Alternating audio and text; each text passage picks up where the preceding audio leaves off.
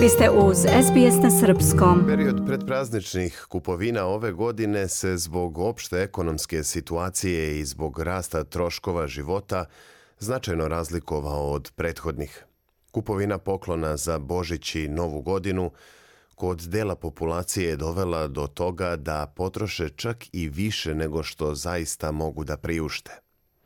Studija koju je sproveo Univerzitet u Sidneju izučavala je usluge odloženog plaćanja kupi sada, plati kasnije kao što je Afterpay. Kako piše Sam Dover iz informativne redakcije SBS-a, istraživanje je pokazalo da ovakve usluge odloženog plaćanja na prvom mestu ne štite ugrožene dužnike. Za SBS na srpskom priredila Nataša Kampmark. Sektor odloženog plaćanja ili kupi sada, plati kasnije bio je predmet ispitivanja jedne studije prvoj ove vrste na poslovnoj školi Univerziteta u Sidneju. Studija je otkrila da značajan deo potrošača koji koriste servise kao što su Afterpay ili Zip čine visokorizični zajmoprimci ranjivi zbog uglavnom neregulisane prirode ovih usluga. Platforme za odloženo plaćanje, koje koristi oko jedan od četiri australijanca, nude potrošačima alternativu za plaćanje, tako što velike kupovine razbijaju na nekoliko manjih iznosa koje treba platiti tokom nekoliko nedelja. Ovaj sektor trenutno nije zakonski regulisan i od pružalaca usluge kupi sada, plati kasnije, se ne zahteva da sprovode obavezne provere kreditne sposobnosti ili izveštavaju o neplaćenim ratama. Studija koja je analizirala podatke o transakcijama za 2021. za preko 800.000 korisnika pokazala je da otprilike 10% ljudi ima više od jednog naloga. Viši predavač i koautor ove studije, dr. Andrew Grant, objašnjava kakvi su rizici povezani sa višestrukim nalozima. So what they're essentially doing is they're stacking debt on debt and so Ti ljudi u suštini gomilaju dugove.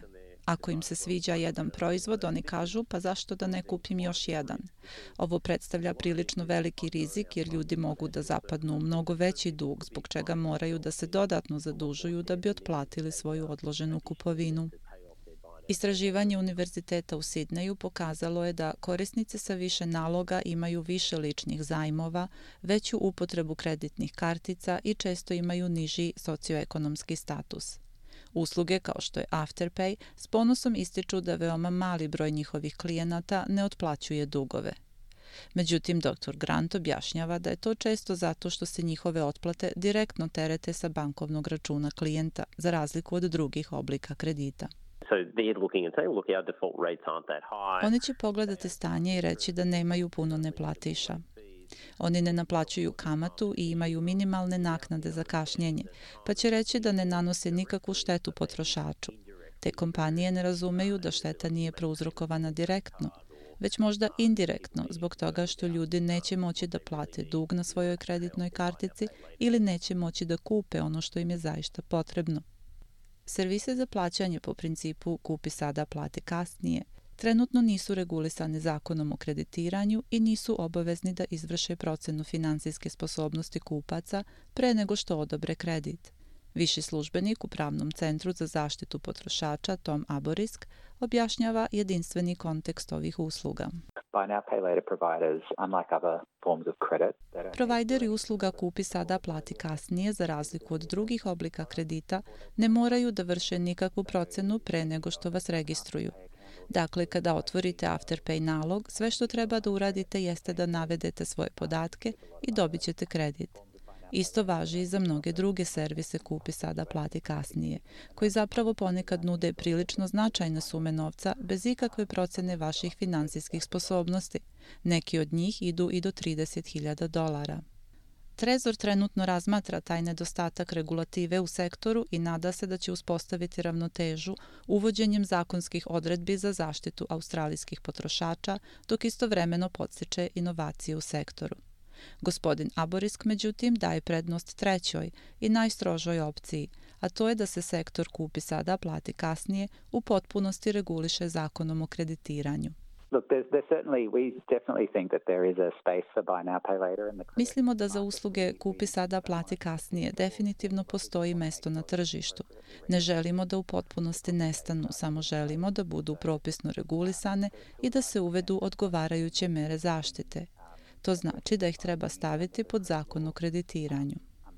Dr. Grant sa Univerziteta u Sidneju kaže da bi sektor kupi sada, plati kasnije, u kome su rizici po potrošače otklonjeni postojanjem strože regulative, mogao da bude važan aspekt kreditnog tržišta.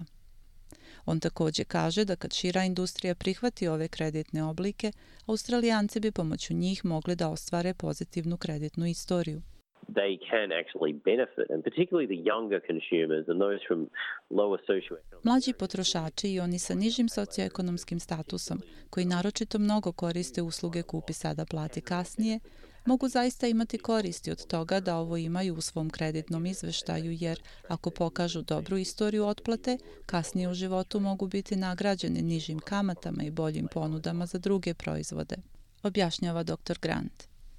Trezor je upravo završio sa prijemom podnesaka tokom konsultativnog perioda revizije njihovog regulatornog okvira i odluka se očekuje u novoj godini.